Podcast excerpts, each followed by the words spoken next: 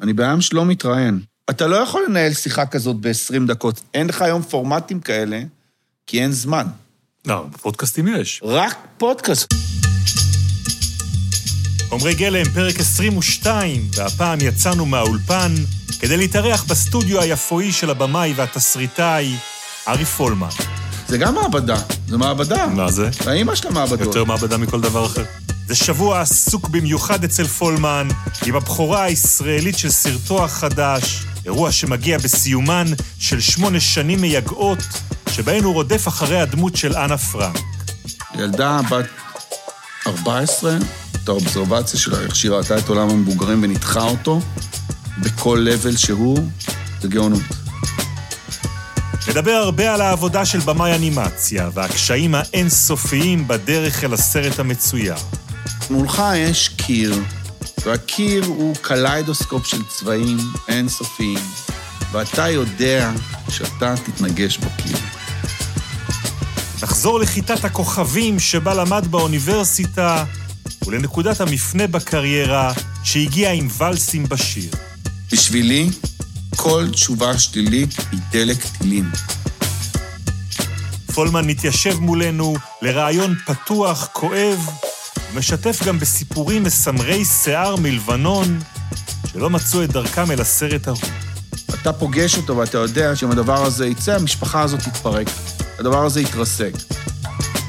לקראת סיום גם נגיע למקום שבו התחיל, בקולנוע התיעודי, ולמה הוא לא רואה עצמו חוזר לעשות סרטים כאלה. ארי פולמן פוצח שם במונולוג ביקורתי על הז'אנר, דברים שליוצרים דוקומנטריים יהיה קשה לשמוע. נכנסתי לאיזה state of mind שאני צייד סינקים, אני כבר לא במים יותר, יש לי ציפיות. אני בן שני ואתם מאזינים לעוד פרק של חומרי גלם.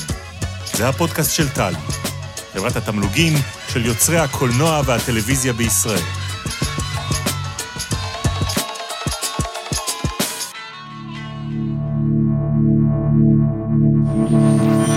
חומרי גלם. הפודקאסט של טלי.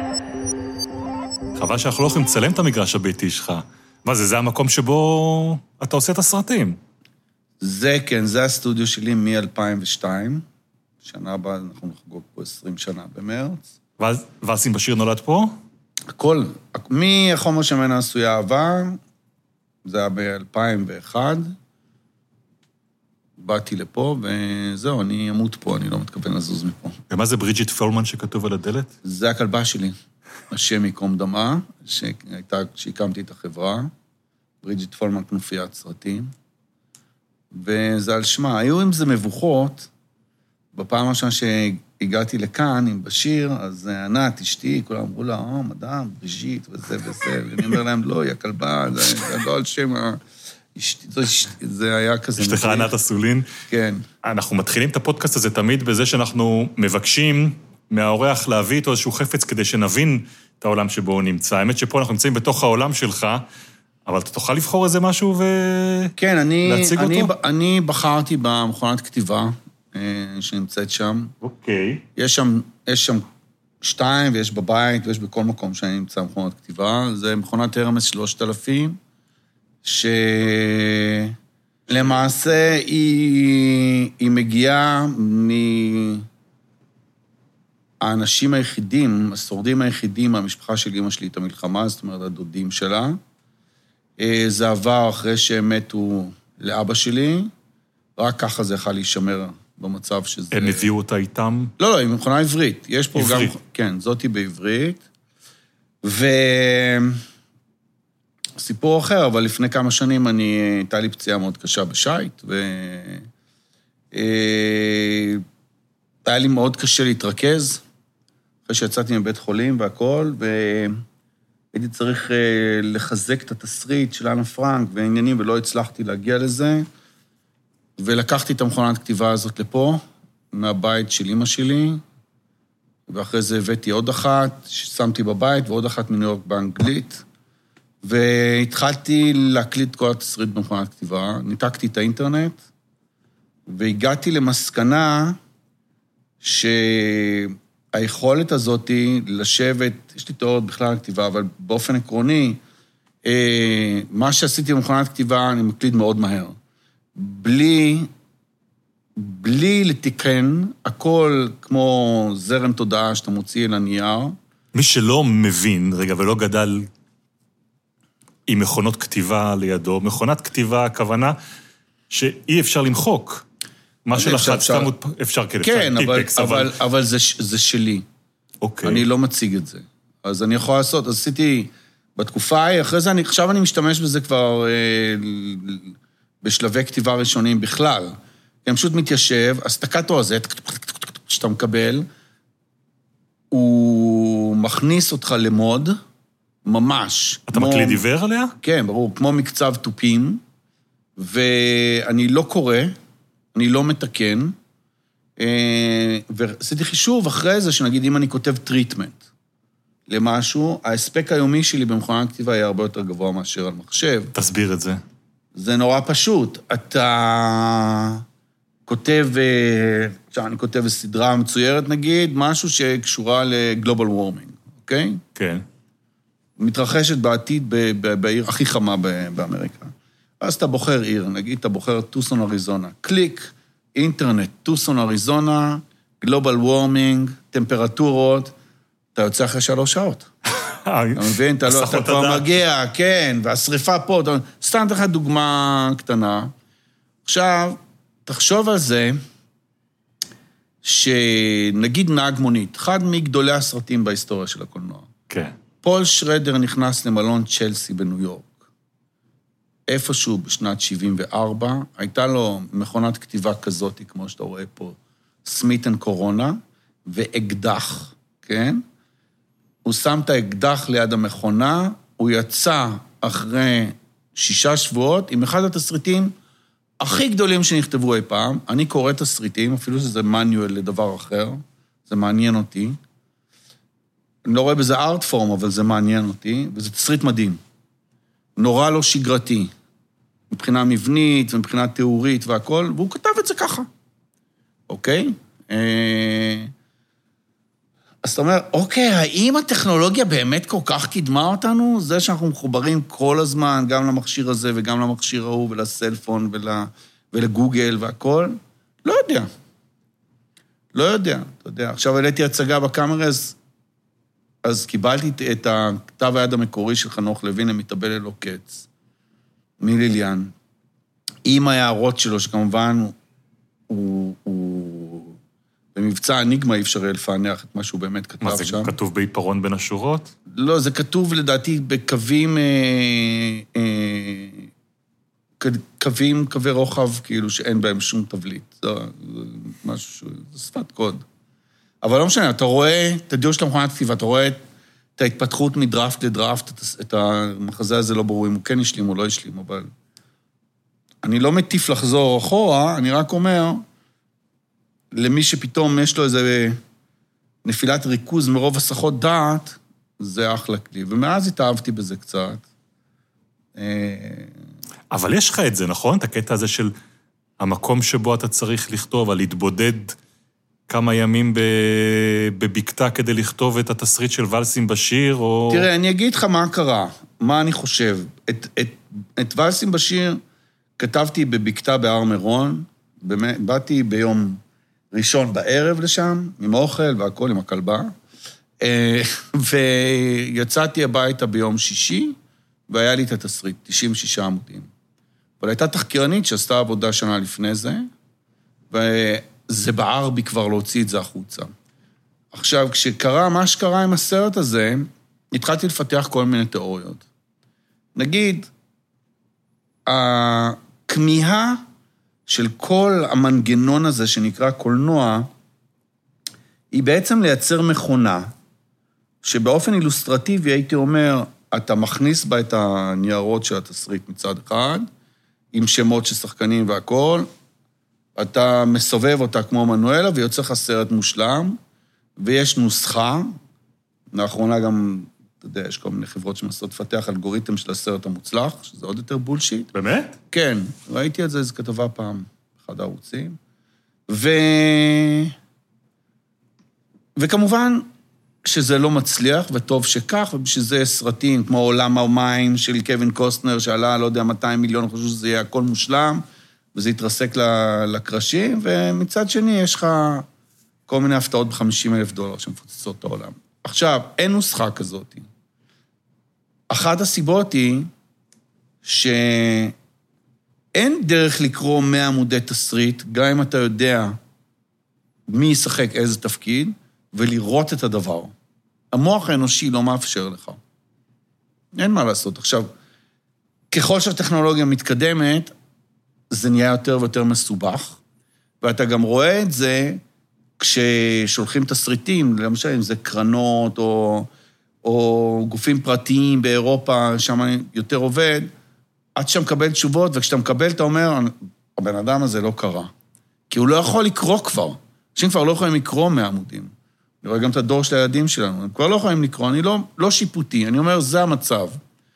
עכשיו, בתיאוריה שלי, אם היית יכול לכתוב תסריט בריל טיים, וזה הדבר הכי קרוב שעשיתי היה בבשיר, ריל טיים זה אומר, אתה מתיישב, יש לך יכולת הקלדה גבוהה, אתה מדמיין משהו במשך שעה וחצי רצוף, אתה מוציא אותו אל הכתוב, כל מה... המוח שלך מוציא, חושב שיש לך איזו מכונה, איזה אלקטרודות ש, שמוציאות את כל מה שאתה מדמיין במשך שעה וחצי אתה, אתה מלהק, ממילא אני מלהק לפני הכתיבה, במוח, שיהיה לי למי לכתוב, ויוצא לך סרט. אנחנו לא יכולים לעשות את זה, אבל נגיד, אני שכנעתי את עצמי אחרי ההר מירון הזה, שזה הכי קרוב שיכולתי לעשות. אגב, זו לא הייתה הכוונה שלי. אבל זה היה הכי קרוב לריל טיים, זה היה בארבעה ימים, תסריט של 100 עמודים, והוא לא השתנה, למעט אה, שינוי מבני אחד שעשיתי עם נילי בעריכה, זה פחות או יותר הסרט. אה, וחשבתי, אוקיי, I cracked it, אני יודע עכשיו איך הדברים עובדים, גם הצליח לי. ואז בכנס עתידנים הסתגרתי, הייתה לי הסתירה בסתירה תשעה חודשים ו-18 דרפטים ו... עם אותה מכונת כתיבה? מה? עם אותה מכונת כתיבה? לא, אז עוד לא... בגליל עוד לא הייתה, לא הייתי בענייני מכונות כתיבה. לא משנה, יום-יום, אלף דרפטים, והיום גם אני, תסריט, אני יודע, יש בו בעיה מבנית בתסריט, כאילו. באנה פרנק לקח לי 39 דרפטים, אני לא יודע כמה שנים, אז אה, אחלה על הנייר, התיאוריה הזאתי, אבל, אבל היא, היא לא עובדת. היא לא, יכול, היא לא יכולה לעבוד. אבל אני שואל אם זה משהו שאתה צריך אותו, הטקסים האלה, כדי לכתוב. אני חושב שזה הדבר היחיד שאני רואה בו עבודה הארדקור. הכתיבה. כן, כל השאר זה ממש fun. להיות על סט של סרט, או עכשיו ביימתי בתיאטרון, להיות בחדר חזרות שלושה חודשים, אתה לא יכול להתייחס לזה, זה לא עבודה קשה, זה, תקשיב, זה בילוי לא נורמלי. אבל גם בסרט לצאת אני- עם צוות צילום בדוקו, כן. זה עבודה קשה, זה fun. זה הכיף כאילו. הכי גדול. זה הכיף הכי גדול, שם בכלל, זה אינטימי, זה מעט אנשים. כתיבה, אתה לבד, אתה מתמודד עם השדים, כל הקלישאות נכונות, והסיפוק שתמיד אני אחוש שאני אקרא דראפט ראשון, אפילו שהוא יהיה על הפנים, או לא מוכן, או לא אפוי, אומר, השגתי, כן? אבל לביים זה, זה, זה קל, זה, זה כוח הדמיון, אתה רואה אנשים, מיזנסצן, זה בא לי נורא בקלות. אבל כשאנחנו מדברים על אנימציה, אין סט. אנימציה זה משהו אחר. זה בכלל, זה... אני אגיד לך מה זה... אנימציה זה... אין מושג זמן. אי אפשר להגדיר את מושג הזמן באנימציה. אני אסביר לך מה זה הפקת אנימציה. אתה נוסע ברכב. ב hyper, hyper, super slow motion, ומולך יש קיר, והקיר הוא קליידוסקופ של צבעים אינסופיים, ואתה יודע שאתה תתנגש בקיר. כי הפקת אנימציה סופה להתנגש בקיר. ואתה יכול לרדת מהאוטו מאה פעם, כי הוא נוסע נורא לאט, כן? אתה יורד, ו- אבל אתה לא יכול באמת לעזוב, אתה כל הזמן חוזר והולך להתנגש בקיר. אתה אומר, אוקיי, אני ארד, אני אוכל משהו, אני אחזור, טק, טק, טק, ויש לך את כל האופציות שבעולם, ובסוף אתה מתרסק, כי זה כל כך קשה, ויש לך המון זמן, יש לזה גם יתרונות, נגיד כמו באנה פרנק, שאתה יכול אחרי שנתיים לשנות את כל המערכה האחרונה, כי עוד לא הגעת אליה. אז כתבתי אותה מחדש, שאין לך את זה בסרט live. אבל זה כל כך מסובך מצד אחד ומייאש, ומצד שני לגמרי ממכר, כי כל עולם שאתה פשוט מדמיין, אתה אומר, אם יהיה לי את הצוות הנכון, אנחנו נבנה את העולם הזה, אנחנו יכולים לעשות הכל. וזו תחושה... זה, זה ממכר, זה הבעיה. אבל מה, מה זה הקיר הזה? זה התקציב? זה העובד לא עובד של הסצנה? זה ה... אי אפשר, תראה, נגיד, אי אפשר בכלל... אה, בסרט הזה, באנה- באיפה אנה פרנק, יש אה, 1,100 שוטים, אוקיי? יש לך משהו כמו 150 ומשהו אלף ציורים. אוקיי. אה, יש לך שנייה, חלק מהשניות הם, הם 12 ציורים, חלק מהשניות הם 24 ציורים, תלוי אם זה בתנועה, זה 24 ציורים. וכל שוט כזה עובר 11 תהליכים שונים עד שהוא מוצא את דרכו אל תוך הסרט. תהליכים זה? תהליכים זה בלי להיכנס למונחים מקצועיים תיאורטיים, כי אין לנו פה visual, רק אודיו, אבל מ key framing, ואחרי זה cleanup ים ו in between, זה תהליכים. ויכול מאוד להיות שהתהליכים האלה יעברו בארבע יבשות שונות. יתחילו אותו פה בדירה ביפו, ישלחו אותו להמשך בבלגיה, משם הוא יגיע לאוסטרליה, כמו שקראנו בסרט הזה. משם יעשו לו צביעה בפיליפינים, ואז יחזירו אותו ליפו לחבר את הרקע לדמויות, אוקיי? עכשיו, אתה בעצם משגר לחלל 11 אלף אלמנטים, כי אם יש לך אלף שוטים ו-11 פעולות על כל שוט, זה מה שאתה משגר לכל העולם, במקרה הזה, ואז אתה צריך ללכוד אותם חזרה באיזשהו אופן, והם גם צריכים להיראות אותו דבר. אנה פרנק, שעשו אותה ביהודה הימית ביפו, מה לעשות, היא צריכה להיראות כמו אנה פרנק שעשו אותה בלוקסמבורג. אה, ונגיד, בסרט הקודם, בכנס עתידנים, היה, הייתה דמות שהייתה לי בעיה נורא קשה עם העיצוב שלה, אה, דילן, ששיחק אותו ג'ון האם, מבחינת ה voicing, ואני שמתי לב בסוף התהליך, שבמדינות שהן מאוד מסקולין, כן?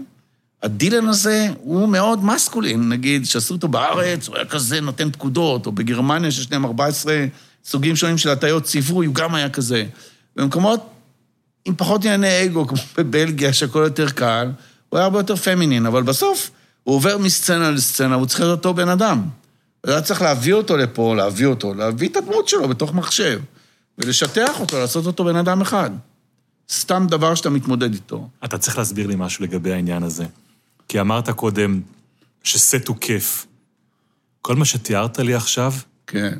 לא נשמע כיף. זה מה שאני אמרתי לך, נתתי לך את התיאור של תאונת הדרכים ב hyper slow motion, שאתה אמור להיתקע בקליידוסקופ, ואתה לא יכול לעצור, כי הקליידוסקופ מושך אותך, הצבעים. ההיפנוט הזה. כן, גם, אה, כן.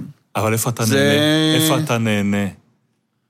אני לא נהנה מספיק בתהליכים, כי אני נהנה לשבת עם יוני גודמן, הבמאי האנימציה, לעשות איתו storyboard ים, לשבת עם לנה גוברמן, לראות איך ה art... יש גם משהו,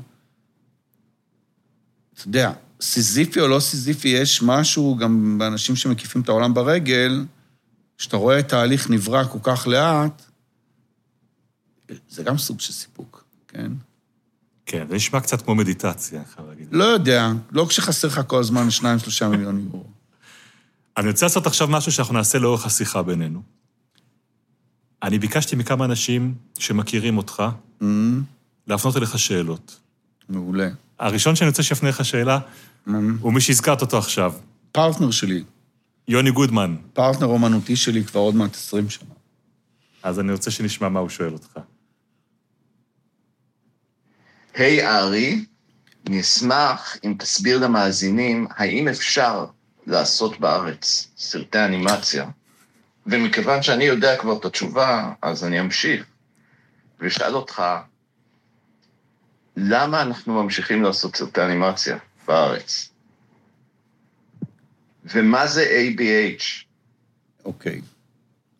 ABH זה חברת הבת הבאה שלנו, של יוני ושלי, שראשי התיבות שלה זה Animation Bloody Hell. כן?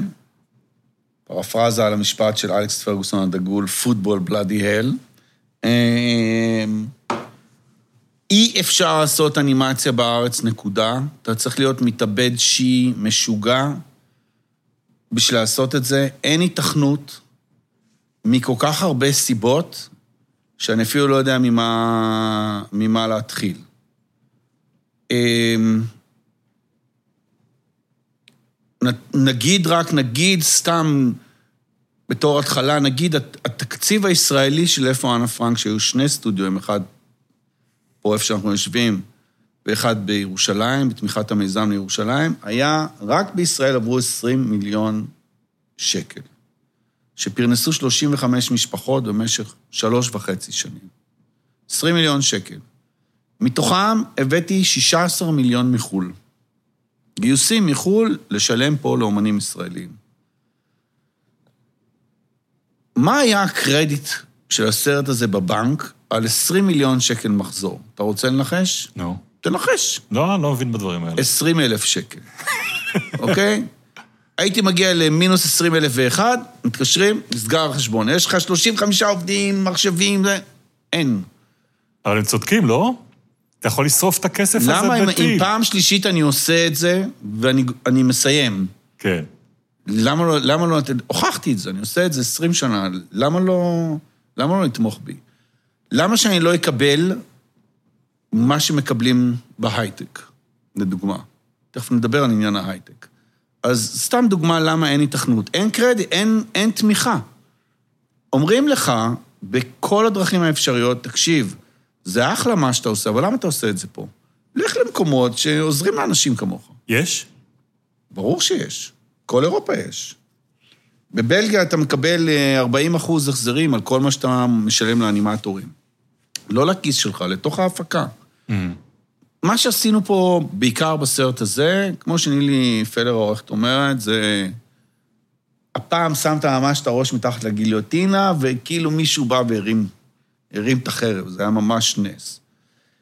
אה, הרמה של האנימציה שעשינו נגיד בסרט הזה היא כה גבוהה, שאני יכול להגיד לך, יוני גודמן היה בסרט הראשון, בוואלסים בשיר, היה איתו ספי גרייגו, אנחנו מספרים שהוא הגיע לפה בגיל תשע, אני אגיד, זה היה קצת יותר מבוגר.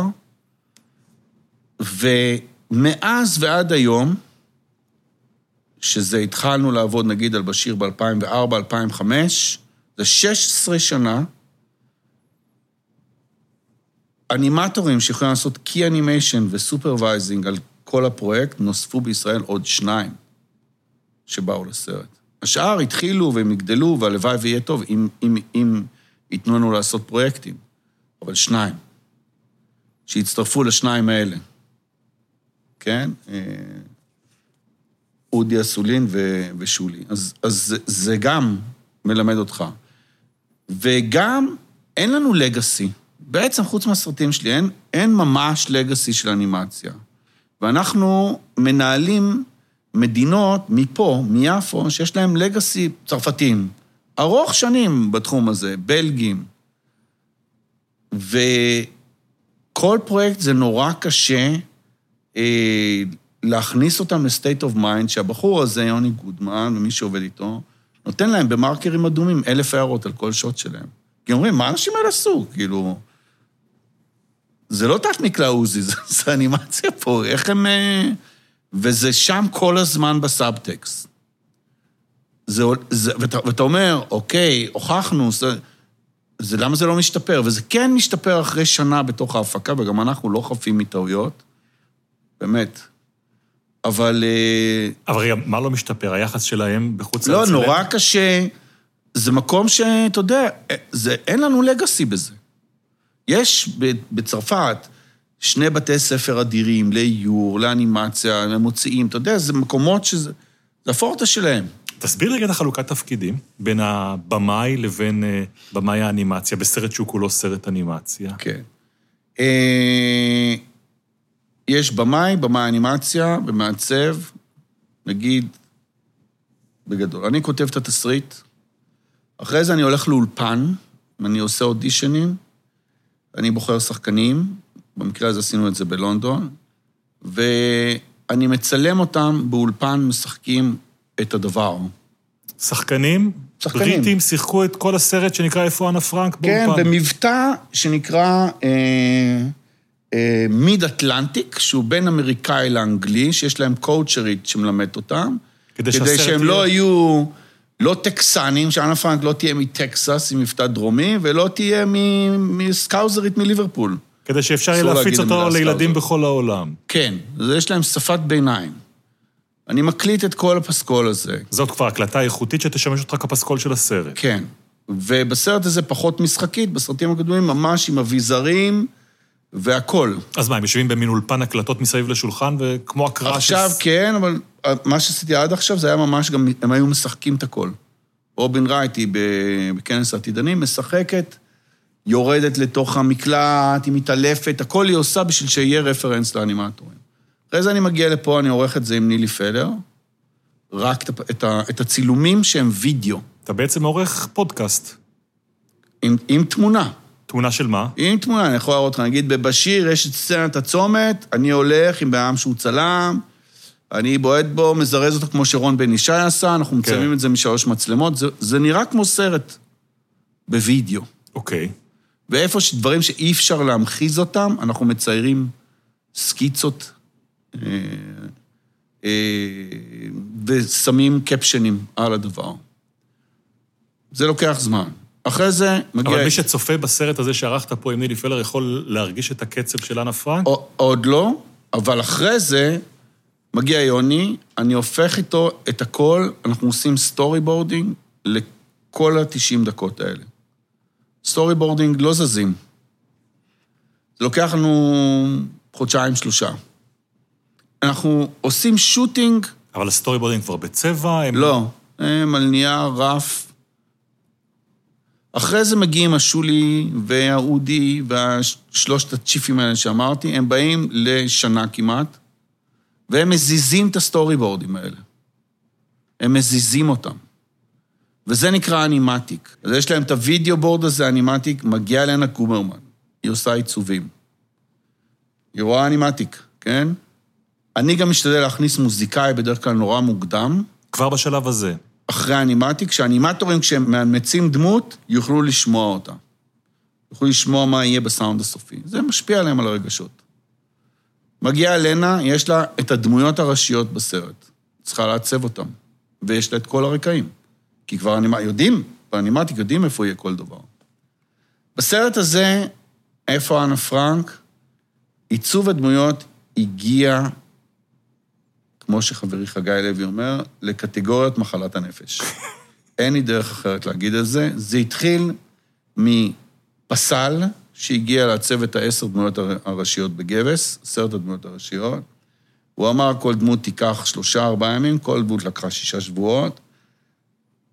הוא גמר פסל אותן, הביאו צלם שיצלם אותם סטילס ב-137 זוויות שונות, ואחרי זה היה צריך לתרגם את הסטילס הזה לדו-מימד בציור, כדי שכל בן אדם בלוקסמבורג, בסין ובניו זילנד, שמזיז את אנה פרנק, יראה איך היא נראית ב-137 פוזיציות שונות. אני מקווה שאתה לא מאבד אותי. אני לא מאבד אותך, כי אני רואה מול עיניי את הסרט. אני ראיתי את הסרט, וצריך להציג אותו באמת בנקודה הזאת. הסרט, איפה אנה פרנק, סרט נפלא. מספר את הסיפור, למעשה, סיפור שאתה כתבת על פי היומן של אה, אנה פרנק, מתרחש שנה מהיום, בעתיד. בעתיד, באמסטרדם, שאפשר אפשר אה, לספר את פתיחת הסרט? ספר, כן. לילה של סערה סביב אותו מקום, אתר התיירות מספר אחת באמסטרדם, אה, בית אנה פרנק, פוגע במקרה במקום שבו מוחזק במין איזושהי כספת זכוכית, היומן של אנה פרנק, ובעצם גורם לקסם. וקסם הוא שהדמות שאנה פרנק כתבה את כל היומן כלפיה, קיטי, אותה חברה דמיונית של אנה פרנק, מתעוררת לחיים מתוך האותיות של היומן הזה. היא מתעוררת באמסטרדם, לצורך העניין 2022, 2023, נדע מתי הסרט יוצא, ומתחילה לחפש את החברה שלה, אנה, והיא לא מבינה לאן אנה נעלמה. ובאמת אה, אה, מסע שמתרחש בין היום לבין אז, עם הסיפור ההוא ועם אה, לקחיו להיום, וסרט שהוא, אתה מייעד אותו לילדים, נכון? כן, אני מקווה, כן. כל המשפחה, הייתי אומר. גם עם נגיעה מאוד אקטואלית ל... לענייני מה שחווה אירופה בימים האלה, ענייני פליטים. למה בעצם הקמת אותו בעתיד? אה, כי הרי שומעים על פרנק, היינו חושבים סיפור היסטורי. לא, לא. אני לא רציתי לעשות את הפרויקט הזה, כי כבר הרגשתי שהכל סופר על אנה פרנק. אין לי מה לחדש. אה, וחיפשתי, חיפשתי משהו לפרוץ את זה, לעשות, אה, היה לי קשה לסרב לזה בגלל הרקע המשפחתי שלי. וחיפשתי בטקסט עצמו, דרך לספר את הסיפור מחדש. ואלוהים יודע כמה פעמים קראתי את זה, והתעכבתי על דברים ספציפיים, וכשראיתי את ה... את ה... די בהתחלת היומן, כשהיא מתארת את קיטי, החברה הדמיונית שלה, לפרטי פרטים, חיצונית ופנימית, הבנתי שיש שם בעצם מנואל בשבילי, אה, לקחת את זה לסטודיו ולברוא את זה אנימטיבית. היא מתארת לך איך, נראה, איך נראית הדמות. כן, ככה ציירנו אותה, בדיוק כמו שהיא מתארת אותה. בחורה ג'ינג'ית... אה, אני לא יודע אם היא התעכבה על הג'ינג'ית, זה נראה... אני אגיד לך מה קרה, מרוב שהמצאתי, כן. קורה לי הרבה בחיים, אני כבר... לא, לא תמיד אני סגור על מה היומן, מה בא באמת מהיומן ומה לא. אבל אה, היא לא אמרה ג'ינג'ית. היא אמרה, יש לה את הפנים העגולות של ג'קי ון מרסן, ואת החיוך של אנלי גוסלר, ואת העיניים שלי, כבר זוכר את זה בעל פה. אבל אה, ג'ינג'ית זה כבר היה תוספת. אבל אני מקשיב למשהו אחר כשאתה מספר את זה.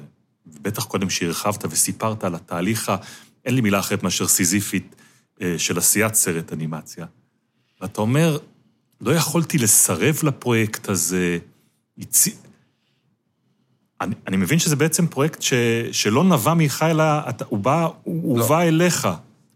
הפרויקט לא נבע ממני, אני אחרי, אחרי כנס עתידנים, גם שם הייתה הפקת אנימציה מסובכת, אבל קטנה עלינו יחסית לזאתי. אמרתי, אני אקח פאוזה של כמה שנים מאנימציה, ואז הגיעו אליי מקרן אנה פרנק. זה סיפור מתגלגל. הגיעו אליי מקרן אנה פרנק והציעו לי את הפרויקט הזה. הגיע נציג לפה, ביקש לפגוש אותי. אמר, סימנו אותך לפני הרבה שנים, אחרי ואלס עם באשיר, אנחנו מכירים את הרקע המשפחתי של ההורים שלך וכאלה. ו... הרקע המשפחתי הוא? ההורים שלי הם ניצולי שואה, שנגיד לא פספסו, ב top five של המחנות השמדה הם לא פספסו אף אחד, הם, הם, עברו, הם עברו את כולם, זה מאוד חזק. עזוב, בלי הומור זה מאוד, זה דבר שהוא, זה הדת שלנו בבית היה, היה, היה, והם ידעו את זה. גם בשיר זה מוזכר. ואמרתי להם שאני לא רוצה. אני, אני באינטואיציה אמרתי להם, אני לא רוצה, לא אנימציה, ובטח לא סיפור איקוני כמו אנה פרנק. אה, ואז אמרו לי, למה שלא תקרא עוד פעם את היומן, דבר עם אמא שלך. וזה. אה, וקראתי את ה... קראתי עוד פעם את היומן, זו חוויה אחרת כשיש לך ילדים טינג'רים, לקרוא את היומן הזה, ואז הם באמת היו בגילאים האלה. זה בלתי נתפס, יכולת הכתיבה שלה. ילדה בת 14, היכולת, האובזרבציה שלה, איך שהיא ראתה את עולם המבוגרים וניתחה אותו, בכל לבל שהוא, זה גאונות. ופגשתי את אימא שלי, סיפרתי לה באקרא, אני הולך אליה כל שבת. אה, להיות איתה כמה שעות, סיפרתי לה שהציעו לי את הפרויקט הזה, ושאני לא מתכוון לקחת אותו. והיא אמרה לי, אתה באמת לא חייב לקחת אותו, אתה לא חייב שום דבר, אבל אם, אה, אם לא תיקח אותו, אני אמות. אז לקחתי את זה. אבל לקחתי את זה בשלושה תנאים. תנאי אחד זה שזה יהיה סרט לילדים, שלא יהיה מוגדר כארט-האוס, אלא שבאמת אני, אני אתמודד עם לעשות את זה לילדים קטנים ככל האפשר. כי כשאני ראיתי את הילדים שלי גדלים במוסדות חינוך ואת הטקסים האינפנטיליים, אין לי דרך אחרת, שהם עשו בימי שואה, הבנתי שצריך דרך חדשה לספר את הסיפור. והדבר השני היה שכן נעסוק בשבעת החודשים האחרונים של אנה פרנק, על אף שזה סרט לילדים, כי הרי בתפיסה, אנה פרנק היא אייקון אוניברסלי, לאו דווקא יהודי, של אה, ילדה במלחמה שכתבה את היומן המדהים, ויום אחד היא הפסיקה לכתוב את היומן, כי היא מתה. אבל על הפער הזה, בין הרגע שהמשפחה נתפסה לבין הרגע שהיא מתה, בבלזן, לא, לא סופר ולא נכתב, חוץ מאיזה דוקואים מאוד ספציפיים, כי... ראשית, כי אבא שלה מנע את זה. בסרט המקורי של סטיבנס מ-59 יש את הפרק הזה, וכשהוא ראה את התגובה בהקרנות ניסיון של הקהל, הוא דרש מהמפיקים לחתוך אותו החוצה. הוא לא הסכים שיסופר החלק האחרון בחייה. וגם, הרי למה הסיפור של אנה פרנק תפס כל כך חזק? היו אלפיים יומנים שנכתבו בהולנד, הוא באמת outstanding ברמה, אבל אין בו רשעות, תחשוב על זה לעומק, יש בו התמודדות פנימית. אין נאצים, אין... אחד חלקי חמישים מהסיפורים שאני גדלתי עליהם בבית, שהיו סיפורי זוועה. יש התמודדות קשה של התבגרות ב... בבידוד, בחרדה יומיומית שהסוף קרב. אבל אין זוועות של גטו, רעב, מחנות ריכוז. יש הומור? יש הומור. יש תובנות נפלאות על החיים. אבל זה יכל להצליח. זה אחת הסיבות שזה יכל להצליח. זה בטח הסיבה שזה הדבר הראשון, הטקסט הראשון, נגיד שגרמניה, מערב גרמניה התמודדה איתו אחרי המלחמה. Mm-hmm. על במות ההצגה. כי הם לא קיימים שם. אבל אני שואל את עצמי, לאור מה שאתה מספר עכשיו, שזה התהליך והסיפור היפה הזה על אימא שלך, מה היה הרגע שבו הפרויקט הזה, שבאים באמת קרן אנה פרנק ומציעים לך אותו, מה היה הרגע שבו הוא הופך להיות הסיפור שלך, שתהיה מוכן לצאת למסע כזה? קודם כל, אתה יודע, כשאתה עושה אנימציה, אתה יודע שאתה הולך למסע מאוד ארוך. אומר לך רק שהחוזה המקורי שנחתם איתי ב-2013, היה שאני מגיש את זה לפסטיבל כאן במאי 2017. התהליך הזה של האנימטיק והאנימטורים הראשונים שדיברתי איתך עליו, קרה רק ב-2018. אז מה, עבדת על עצמך? לא, אי אפשר היה להרים את זה, לא היה מספיק כסף. אוקיי. הבחור הזה שפגש אותי, אמר לי לפני לכתו, אחרי שלקחתי את זה, הוא אמר לי, תראה, יש קללה על כל הבמאים שניסו לעשות את אנה פרנק, את הסרט מאז סטיבנס, הוא אמר לי, אחד מהם זה אבא שלי, על אבא שלו. אה, השני זה הסיפור המפורסם על מאיר לוין, שהחזיק את הזכויות שנים, והוא השתגע והוציא על זה ספר שנקרא אובסשן מוואן פרנק, ותדע לך שאתה בסכנה. עכשיו, לא אדם כמוני יאמין בכל מיני סופרסטישס שטויות ואמונות טפלות, וזלזלתי בזה. והוא הלך, ואני סגרתי את החוזה, ומיד אחרי זה נפלתי, סירה שנפצעתי קשה, ועברתי תהליך, לא, לא ניכנס לפרטים, של כמה שנים, שזה גם עיכב את כל ה... שיקום. כן, עיכב את כל הדבר, ומאז היה לנו המון קרייססים גם בהפקה. חברת הפקות שהייתה שותפה בזה, פתאום הם אוקיי. פשטו את הרגל, ברחו, וכאילו כל קרייסס אפשרי קרה, וכשהגענו לכאן, הייתי עם יוני גודמן בשטיח האדום, והוא אמר, נראה לי, התגברנו על הקללה של אנה פרנק, ועלינו והתיישבנו, ועשו לנו אחלה כניסה, קבעו האורות, ואז התחילו צרחות אימים מהקומה למעלה, והיה... עכשיו, בבכורה עכשיו, בכאן. עכשיו, היה כן. חילי טרופר, והיה זה, והיו כולם אמרו, טרור, טרור, התחילו כולם ישראלים, וצעקות בצרפתית, הפסיקו את ההקרנה, ומי שחטפה את דום לב, והחיו אותה, כל זה קרה, כן? בבכורה, עצרו את ההקרנה, עשו לה החייאה, החזירו אותה לחיים, הוציאו אותה, הכניסו אותי מחדש לאולם, והתחילו את ההקרנה מחדש. זאת אומרת, הקללה לא נגמרת. זו הייתה הבכורה העולמית של הסרט, והיא חטפה דום לב. אתה מבין? אתה אומר כבר, ישבתי בכיסא, הגעתי, התקבלנו גם, אנחנו פה, הבמה, האולם הכי טוב בעולם, יאללה, בוא נתחיל. לא! צעקות מהיציע. אבל אני, חי- אני שואל אותך דו, דווקא כבמאי, כשאתה מתאר את הדבר הזה, הרי כמה שנים, ארי? 2014? שמונה, לא, אני. שמונה, מ-2013. שמונה שנים. כן, זה שמונה שנים לפרויקט אחד, כן. ש... תקשיב, לא תכננתי. אתה נכנס, אה, עשינו פיתוח ב-2014, בום, אתה כבר בחובות של מיליון יורו, כי זה מה שעלה הפיתוח. אה, אחרי זה אתה מנסה את זה, מנס... זה... אתה כבר נכנס כל כך עמוק, אתה לא יכול להגיד פוס, חבר'ה, יאללה, עזבו. נגמר, לא, לא מסתדר אחרי ארבע שנים, הולכים, הנה, דוד הלך אחרי ארבע שנים, דוד פולונסקי. אה, שעשה איתך את ולסים בשיר. עשה את בשיר, עשה את כל הפיתוח של האנה, הוצאנו את הספר. עשה את הספר איתך, כן? עשה את הספר. הספר יצא ב-2017, היינו בזה מ-2013. ב-2017, כשיצא הספר, עוד לא התחלנו את הסרט. הוא אמר לי, ארי, די, חלאס, אני ארבע שנים בזה, אני לא יכול לראות אותה יותר.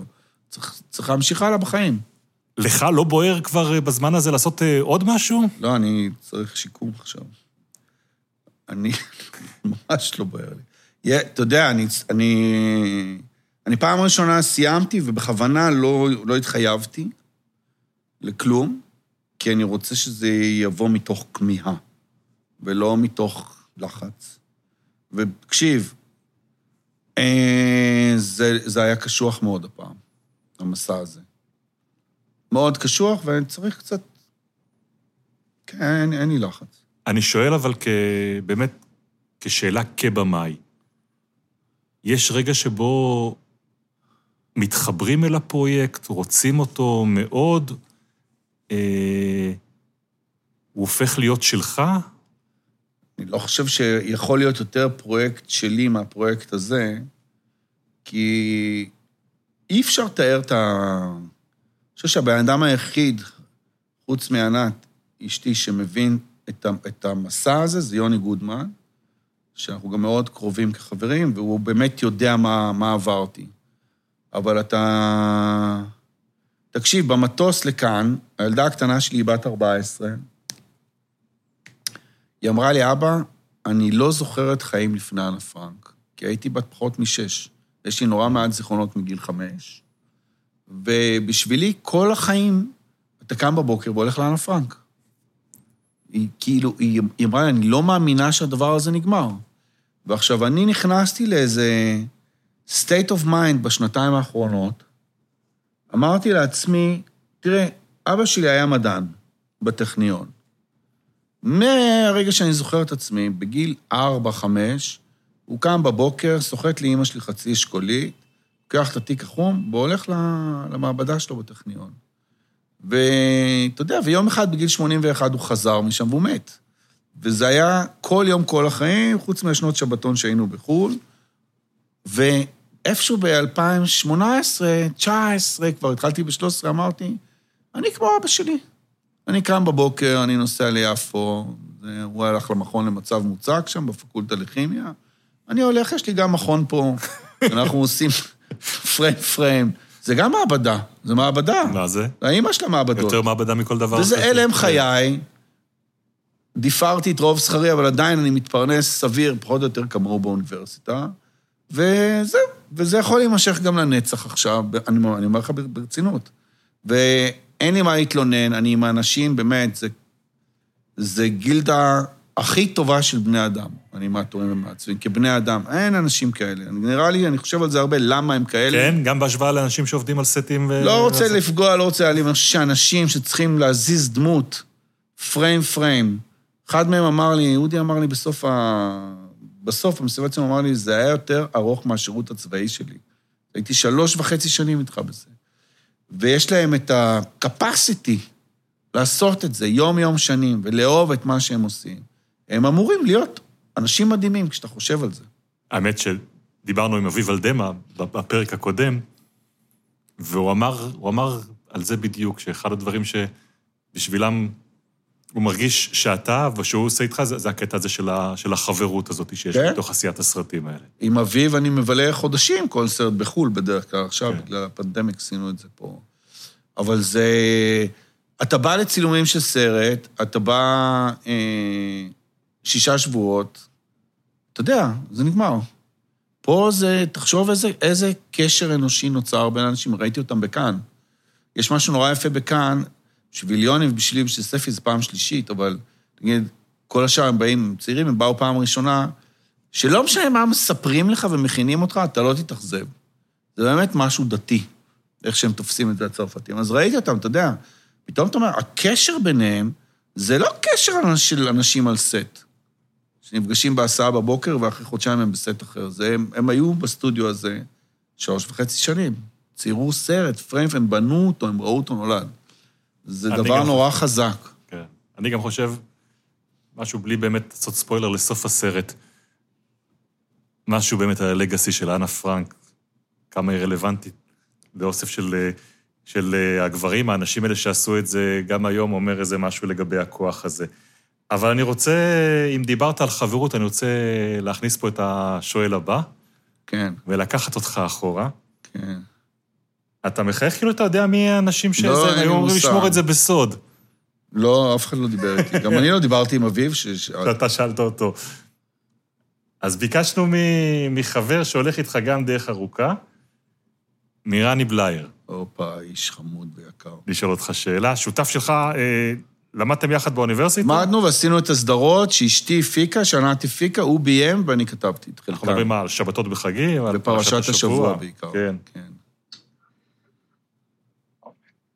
ארי, אהוב ליבי, אה, אני חושב שהגיע הזמן לספר את הסיפור של אה, זה לא חלום, זה אבישג לכולם. אה, אולי כדי לחזק את המגה מוטיבציה שיצאנו מהאוניברסיטה איתה. על מה הוא מדבר? ל... לרני בלייר, ל...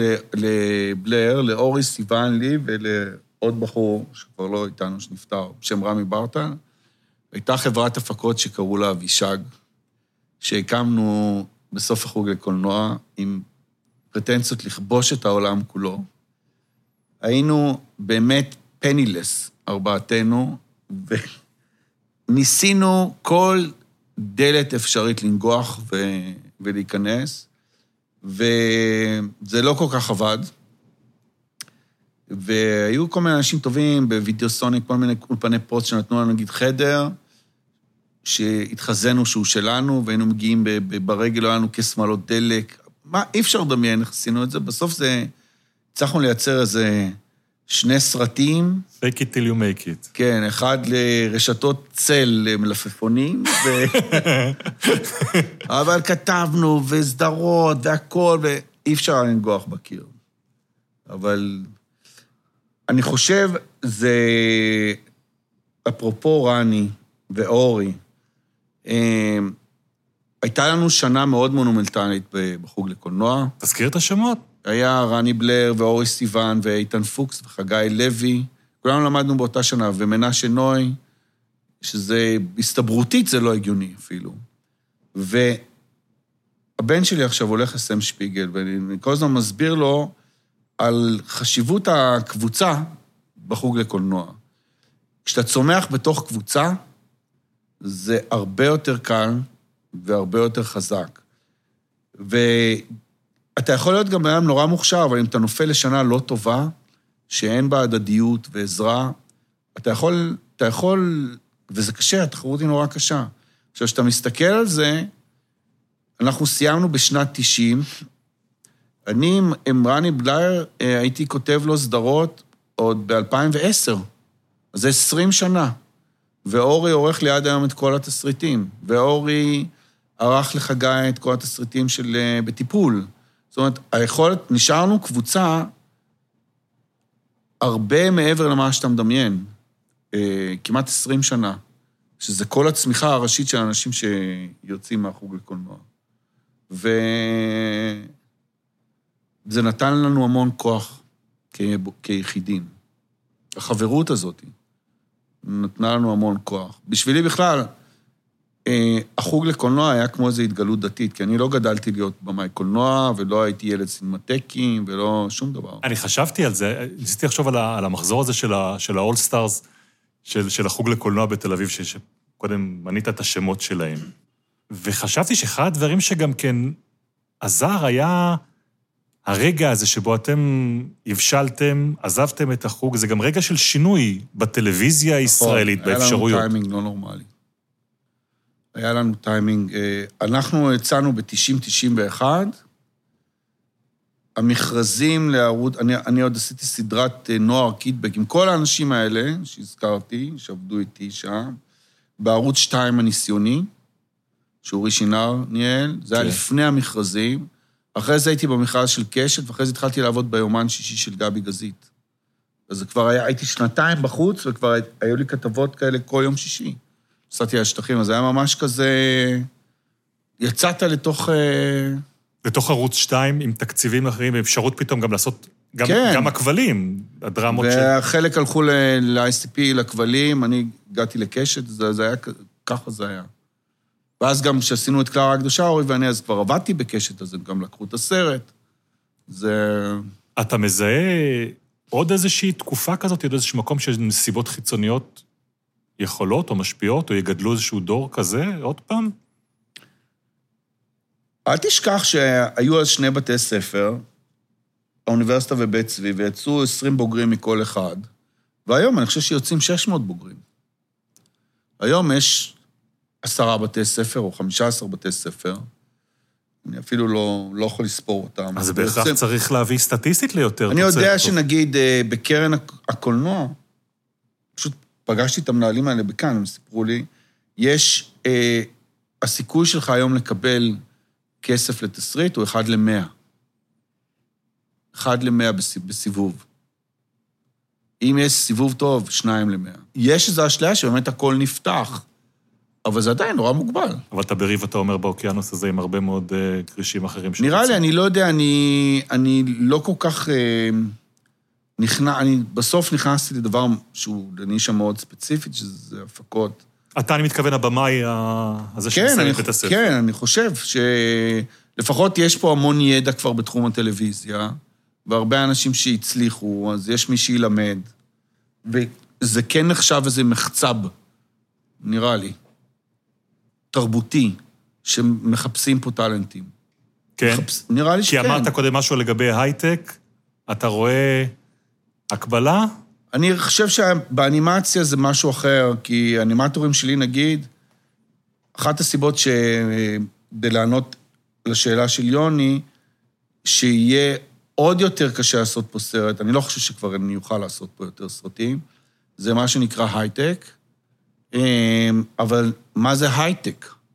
מה זה, אתה, כשאני אומר לך הייטק, אתה אומר, המציאו קוצב לב אה, חדש, אה, מסנכרן פולסים אלקטרונים שיכולים להאריך את חיי חולי הלב, אני לא יודע בכמה שנים, או אה, יש איזה בוגר 8200 שיכול להמציא תוכנת ריגול ולשתול אותה בפלאפון של הנשיא צרפת ולעקוב אחרי הרגליו המיניים, אז אתה אומר, ההייטק אחלה, אבל בסוף ההייטק שהאנימטורים שלי הולכים, זה משחקי סלפון, גיימינג.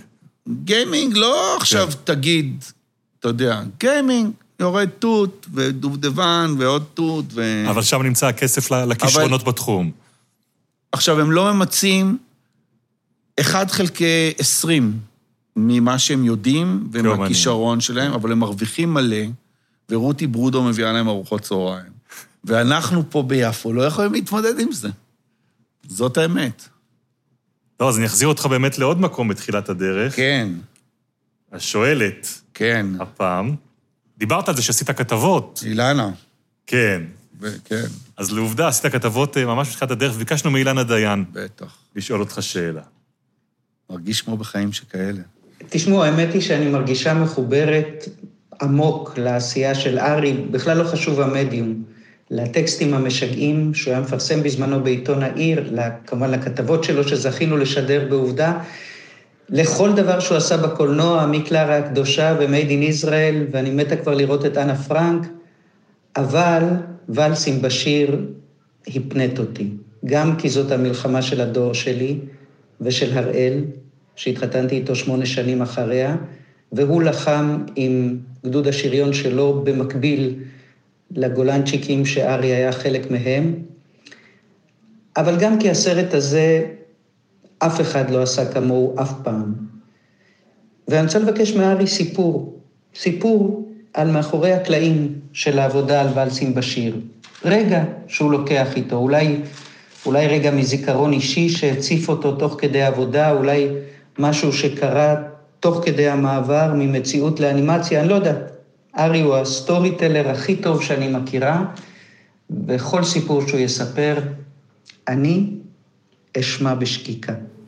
טוב, לא חסר, אה? אמ, סיפורים.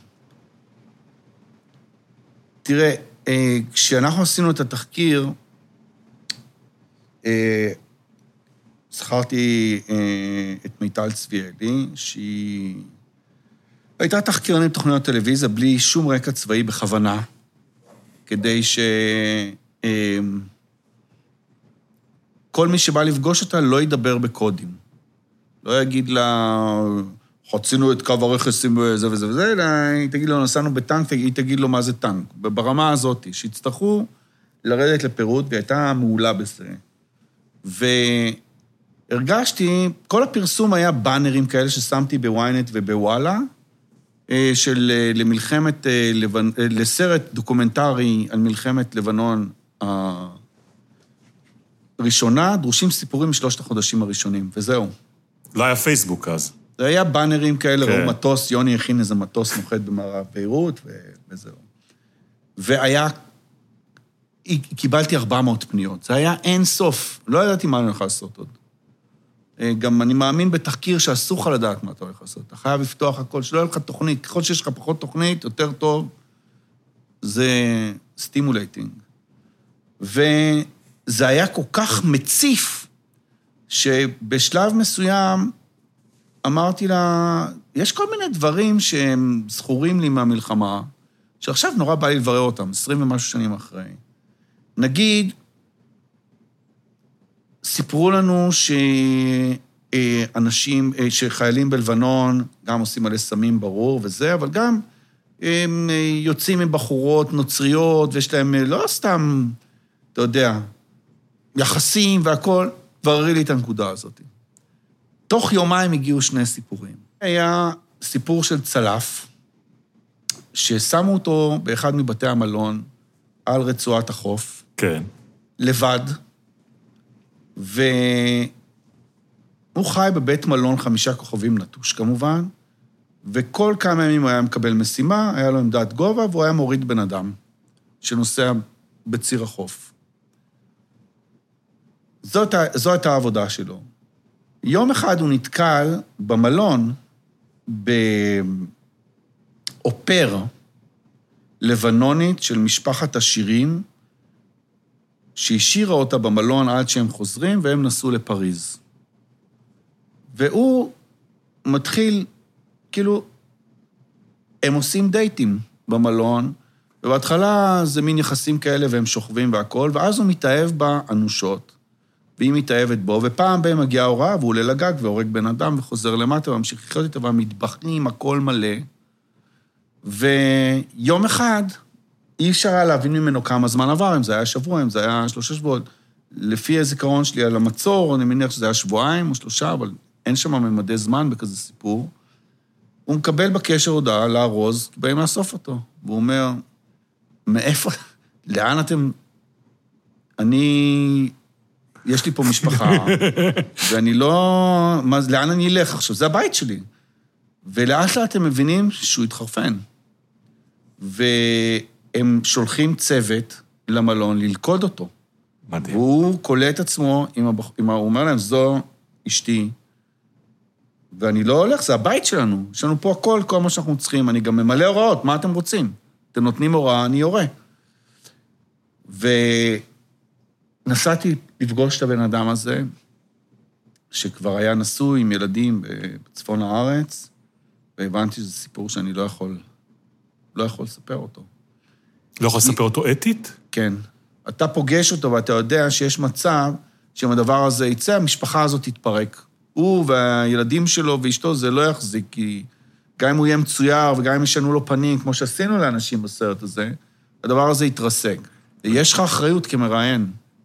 אני מסכים איתך לגמרי, רק שכשסיפרת את הסיפור הזה עכשיו, אני כל הזמן אמרתי בראש, זה יהיה הסרט הבא שלו, או הספר לפחות. לא, לא צריך. ועוד עצה שקיבלתי. לא חשבתי על זה אף פעם בתהליך עשיית הסרט. היה לי מסע יותר מדי ארוך אחרי זה עם הסרט בעולם, ו... יותר מדי ארוך. כן, הרבה יותר מדי ארוך, כמעט שנה, הרבה יותר מדי ארוך. ושתמיד נשאלתי את אותן שאלות, וזה לא משנה, זה כאילו היה fun, וזה נגמר בהתשה טוטאלית. ורק שמה התחילה לנקר בי השאלה, מה היה קורה אם אני הייתי הקצין הזה, שמצולם בסרט, אה, יש את הקצין שמצולם בכניסה למחנות, הוא היה, הוא היה מפקד הטנק, האחרון בכניסה לשתילה, והוא ראה, הוא זה שראה, והוא התקשר ל... הוא מדבר שם. אה, דרור חריזי. דרור חריזי, שהיה לו חלום גם להיות איש צבא והכול, הוא מפקד טנק. או שהוא היה סג"ם, הוא היה מפקד מחלקת טנקים, והוא כל הזמן מתקשר למפלגה של עמוס ירון בעניינים. ו... ופתאום עלה לי המחשבה רק אז, מה היה קורה אם אני הייתי שם, במקומו?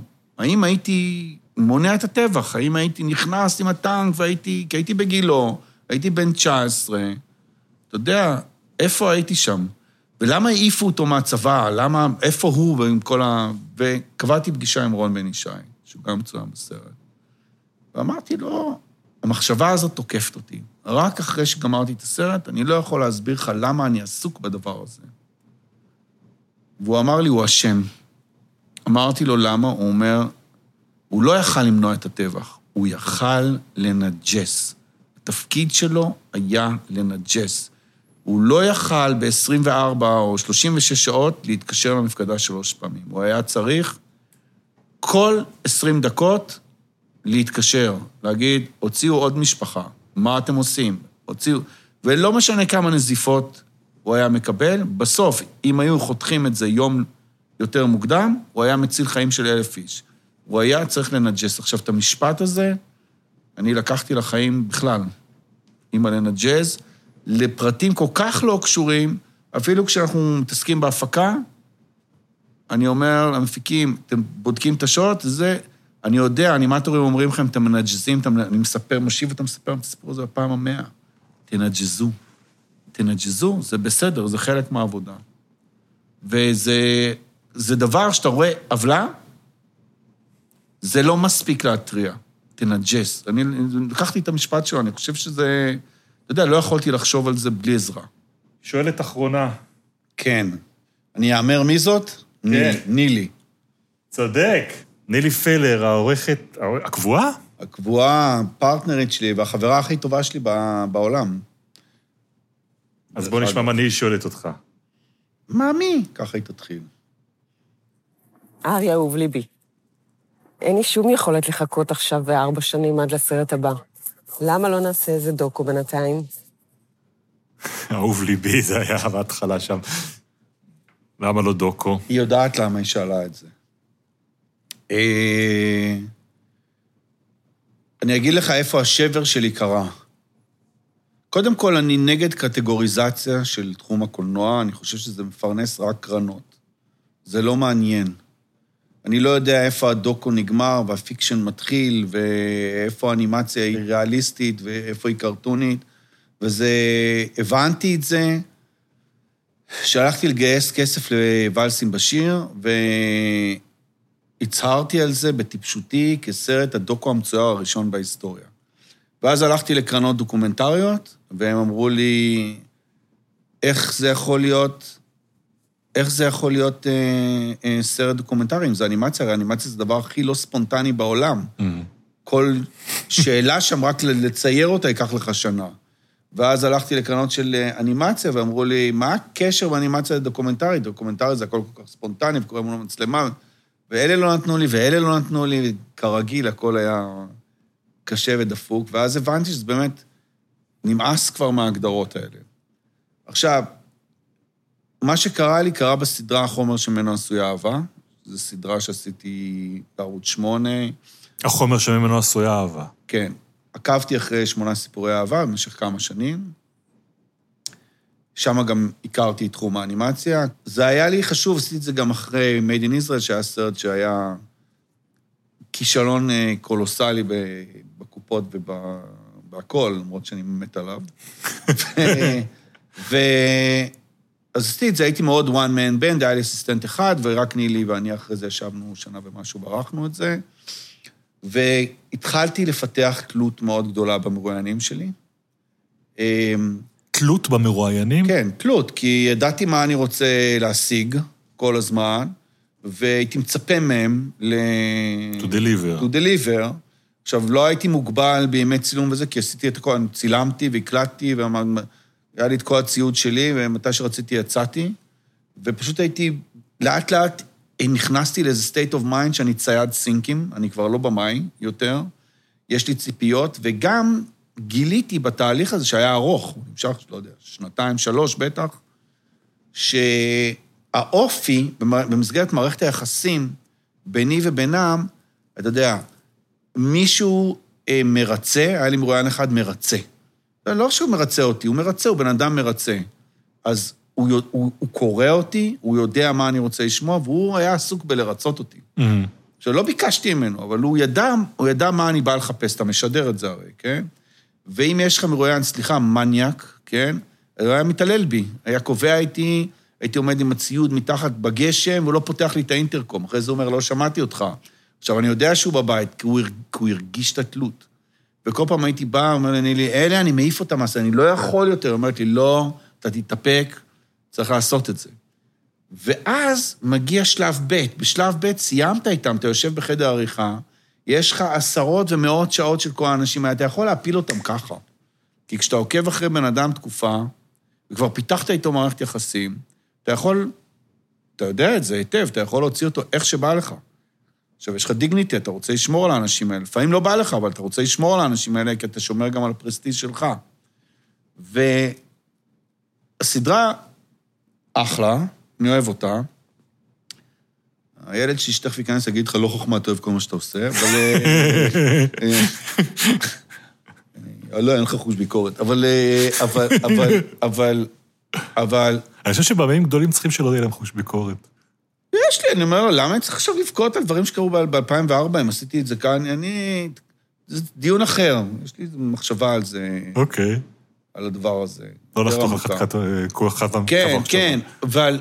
ואז, כשכבר עלתה הסדרה והכל, היא הצליחה, היה אחלה, באמת בסדר. התחלתי לראות קולנוע דוקומנטרי, ולא ראיתי יותר קולנוע דוקומנטרי. ראיתי רק את, ה, את הבמאי שמאחורי הסרט. ראיתי איך העמדה פה, ואיך הוא לקח את ה sync פה. כבר לא יכולתי ליהנות מזה בכלל, כי ראיתי את המערכת יחסים הזאת שאני עברתי בכל סרט שראיתי, Mm. בין אם היא הייתה או לא, ואתה אומר, הרי זה בולשיט, אין אמת. אין באמת אמת, כי בסוף, גם אם אתה יתוש על קיר, אתה מחליט אם היתוש הזה, שזה המצלמה, היא נמצאת ב top shot על התקרה, ואז המרואיין שלך הוא כזה קטן, או אתה שם את המצלמה ב tripod נמוך על הרצפה, והוא כזה ענק. אז אין שם שום דבר שהוא באמת אה, אובייקטיבי, אז למה היומרה הזאת? זה אחד. עכשיו, אתה יודע, באקסטרים של זה, נגיד, יש את חבר שלי, רנטה, שאני רואה בו באמת משורר, דוקו, הוא הדבר הכי קרוב לטוהר שאני יכול לחשוב עליו בעשייה דוקומנטרית. הכי קרוב. אנחנו חברים, אז אני רואה רף קטים שלו, אני רואה באמת איך הוא בונה את זה, אבל הוא אחד. וככל שהזמן עובר גם, ואתה רואה נטפליקס, אתה רואה שזה כבר נהיה אלגוריתם. Mhm. דוקו נהיה אלגוריתם, הוציאו ממנו את תוכן הנשמה, כבר יש, יש תבניות, אתה יוצא, מרואיין כזה, מרואיין כזה, אה, פוטאג', נכנס... פתיחה כזאת, כן. כן, כן, הכל כזה כבר... והיומרה, לאמת, מעצבנת אותי בדוקו. וגם אני חושב שבניגוד, דווקא בניגוד לדימוי, הדוקומנטריסט, הצנוע, הסיזיפי שהולך עם שני אנשים ומחפש, במאי האנימציה או במאי ה fiction שממציא את הכל ממוחו הקודח, יותר נקי מבחינה מוסרית מכל דוקומנטריסט. תקשיב, כשאתה עושה דוקו, אנשים מפקידים את החיים שלהם בידיים שלך. הם בידיים, שזה אני גם שונא להצ- להצטלם, כי אני מכיר את זה מהצד השני, ואני מרגיש תמיד שבסוף משתמשים בך. גם אם זה לא נכון, גם אם זה הצורך שלך ליחצן את הסרט, אבל יש את החיזור, ובוא, ובוא, ובוא, אחרי זה אתה... כאילו, נגמר, שאבו. במצלמה. פה זה אחרת, אתה בא לדבר עם בן אדם, אתה... והמערכת היחסים הזאת היא... עכשיו, אני יכול היום, healed באיזשהו אופן, אתה יודע, אני יכול לראות את הסדרה הדוקומנטרית על או.ג'י סימפסון, ולהגיד לך באחריות, זה פי מאה יותר טוב מהסדרה הדרמטית שעשו עליו. מבחינת החומרים זה גם עשוי נורא טוב. אה, אין מה להתווכח עם האמת, עם- עם המציאות שאתה רואה שם. אני מדבר על... ברח לי אמת פנימה. כן, אני מדבר על, על המערכת יחסים שלך כשאתה עושה... לא סדרת רוחב שאתה סוגר נושא, אבל כשאתה עוקב אחרי בן אדם. מסובך, אתה יודע. אה, אבל אני חושב על הסרט הראשון שעשית, על, על שאנן שאנן סי. סי, כן. שהלכתם שם עם מצלמה כן. בתקופה הזויה להסתובב ולחפש את הטיפוסים בזמן מלחמת אה, זה היו המפרץ. חברים שלנו, הלכנו לחברים, זה היה הבת זוג שלי וחבר... חגי, חבר טוב שלי, ועוזי אדם. אבל הבאתם מציאות, הבאתם משהו שקורה עכשיו. ניסחתם אמירה על משהו שקורה עכשיו, מה?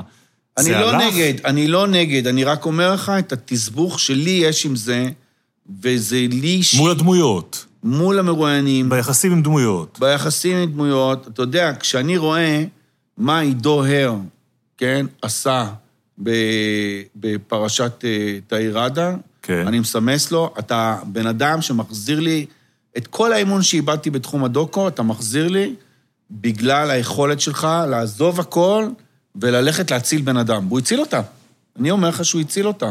היא לא הייתה מקבלת את מה שהיא קיבלה בלעדיו. אבל הוא גם עשה סרט. אני אומר, ריספקט, כאילו, כשאני רואה כזה דבר, אני אומר, אוקיי, עצרתי. ברור שיש גם כזאת דוגמה, וזו דוגמה נפלאה, הסיפור של עידו והסרט הזה. דוהר, כן, הסיפור על, על אותה א' ק'. כן, אבל חבל, אבל ברוב המקרים זה לא. חוץ מזה, לי ולנילי החלום זה יותר לעשות סרט אה, כאילו מוזיקלי. מיוזיקל. לא, לא מיוזיקל, אבל דוקו, אה, אבל כל כל הלהקות המופרעות שאני רוצה לעשות, כבר עשו עליהן. אה, גם על טאפ, וגם כן. על... אה, לא, לא עלילתי. דוקו, אתה יודע, דוקו כמו על- שג'רמוש עשה על, אה, על ה Stooges. על מי היית עושה? עליהם הייתי עושה, ועל ה Pixies הייתי עושה. ארי, איזה תענוג לדבר איתך, אנחנו מגיעים לסוף, ובסוף יש לנו שתי שאלות שאנחנו שואלים את כולם. כן. שאלה ראשונה, אם היית עומד עכשיו מול כיתה, והיית בוחר מישהו בתחילת הדרך, לצייד אותו באיזשהו טיפ, משהו ש... שתהיה עצה טובה לקולנוען צעיר בהתחלה, או קולנוענית צעירה בהתחלת דרכם. אה, תראה, קלישאת הקלישאות לתשובה הזאת היא נכונה. אל תרצה אף אחד ותהיה תמיד אתה, אבל אני מניח שאין בן אדם שלא אמר את התשובה הזאת. לא, כל אחד אמר משהו אחר, אבל זה, אל כי תרצה זה נראה לי כי. כל כך כאילו טחון כבר, אבל אה, זה הדבר הכי חשוב, בעיניי. אה, כמובן, זה אפשרי? כן, זה אפשרי, אני חושב, אני חושב שאני עשיתי את זה, ולא רק אני, הרבה... החברים שלי שהצליחו, הם כולם, אה, וגם, תקשיב, אתה... אבא, אבא שלי, שהוא נולד כמעט במאה ה-19, כן? הוא אמר לי פעם באיזה רגע קשה שלי בחיים, הוא אמר לי, ארי, גבר אמיתי צריך לדעת לסגור את כל המדפים ולספוג, לספוג. עכשיו, אתה בתור קולנוען, זה נכון לנשים, גברים, לכולם, הוא אמר את זה כי זה הייתי אני, אבל... אתה, אתה, אתה חייב לפתח לך אור של מאה פילים ולדעת לספוג ולהמשיך בדבר שלך, לא לראות אף אחד ממטר. כי אם אתה יותר מדי זז לפי הרוח, אתה לא, אתה לא תגיע לשום מקום במקצוע הזה. זה כל כך קשה. לדעת, רזיליאנס. אה, הסיפה של המשפט הזה שלו חשובה, כי כשה- כשהוא אמר לספוג הייתי בטוח שהוא אומר, צריך לדעת אה, לקבל וזהו. לקבל ולהמשיך. להמשיך. לספוג, כן, להמשיך, לא משנה מה זורקים עליך. במקצוע הזה, אתה יודע, אני זוכר, נגיד, שיצאו הביק- הביקורות על Made in Israel. כן. אני זוכר, אני זוכר את עצמי יושב בדירה, אורי קליין כתב עליי דברים איומים, וכל המבקרים, ואני אומר, ואני אומר לעצמי, הייתי לבד. אני עשיתי את הסרט הזה שכל ה... כל האנשים האלה זה פגע בך? כותבים עליו? זה חישל אותי נורא. חישל אותך בדיעבד או בזמן אמת? בזמן אמת זה נורא קשה, אתה צעיר, גם כזה, נורא פונקתי מהיום שהייתי תלמיד לקולנוע, ופתאום בסרט השני בכלל אתה חוטף. אבל אה, לא, זה לא מבקרים, היום זה פחות חשוב בגלל הרשתות החברתיות, זה כבר עולם אחר. אבל אני אומר לך, אני... בשבילי, כל תשובה שלילית היא דלק טילים. עכשיו, אני מקבל אין סוף תשובות שליליות על הפרויקטים האלה, כי לא כולם מבינים אותם. היא דלק טילים, אני מסמן את הרגע, את החדר, איך זה קרה, את הבן אדם, אני אומר, זה נשמע קצת לא נורמלי. ואני אומר לעצמי, אתה תראה, וזה יצא, כאילו, ואתה לא תמכת בסרט, או לא קנית אותו להפצה, זה דלק טילים. אתה אומר להם את זה גם? מה פתאום? אני נותן את המבט ואני ממשיך, אבל אני זוכר, לא זוכר תשובות חיוביות בכלל, כי הם פשוט, הם בסוף חומר, כן, שעובר מורפוזה, והוא נהיה הסרט, אבל תשובות שליליות זה הדלק שמאחורי. גדול. אז שאלה אחרונה. אם היית יכול לחזור אל עצמך, לאיזשהו רגע בחיים, כדי להגיד לעצמך שם משהו, לאן היית חוזר ומה היית אומר? לרגע ספציפי? זו שאלה שהיא דורשת שבוע של מחשבה, אני חושב. אמ,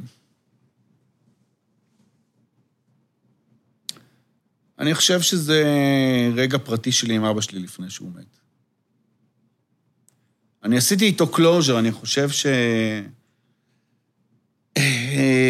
כשאנשים נפרדים במחלה ארוכה, יש לך זמן לתיקון. עם כל הס- הסבל הכרוך, ובאופן... אה, באופן די מפתיע, השנים הכי יפות שלי איתו היו השנים האחרונות שלו, דווקא. ועדיין אני מרגיש שיש שם שניים, שלושה נושאים שלא טופלו, שהייתי שמח אה, לחזור אליהם. אבל בסך הכל אני שלם עם, ה... עם הפרידה הזאת. אבל אתה יודע מה היית רוצה להגיד לו. כן, ודאי. אני מאוד מעריך את זה שחלקת איתנו רגע כזה. כן. ובכלל, מאוד מאוד מודה לך על השיחה הזאת, ארי מודה פולמן. לכם, שניכם. תודה רבה. ביי. זהו, זה הגלם שלנו להיום. את הפודקאסט עורכת דפנה יודוביץ'. עורכת הסאונד אליית עטר מאולפני אורקה. חומרי גלם הוא הפודקאסט של טלי, חברת התמלוגים של יוצרי הקולנוע והטלוויזיה בישראל. תודה רבה למירב קליין מטלי על העזרה בהפקה. תודה רבה לארי פולמן, האורח שלנו, גם המארח שלנו הפעם, ואת כל הפרקים הקודמים בפודקאסט הזה, עם יוצרים נוספים, אפשר לשמוע עכשיו בכל אפליקציות הפודקאסטים. נשמח אם תאזינו להם, ואם נהניתם, נשמח שתשתפו גם את החברים שלכם. בקרוב נשוב לכאן עם פרק נוסף, ועד אז, ממני בן שני, תודה לכן ולכם על ההאזנה, שתהיה לכולנו שנה הרבה יותר טובה.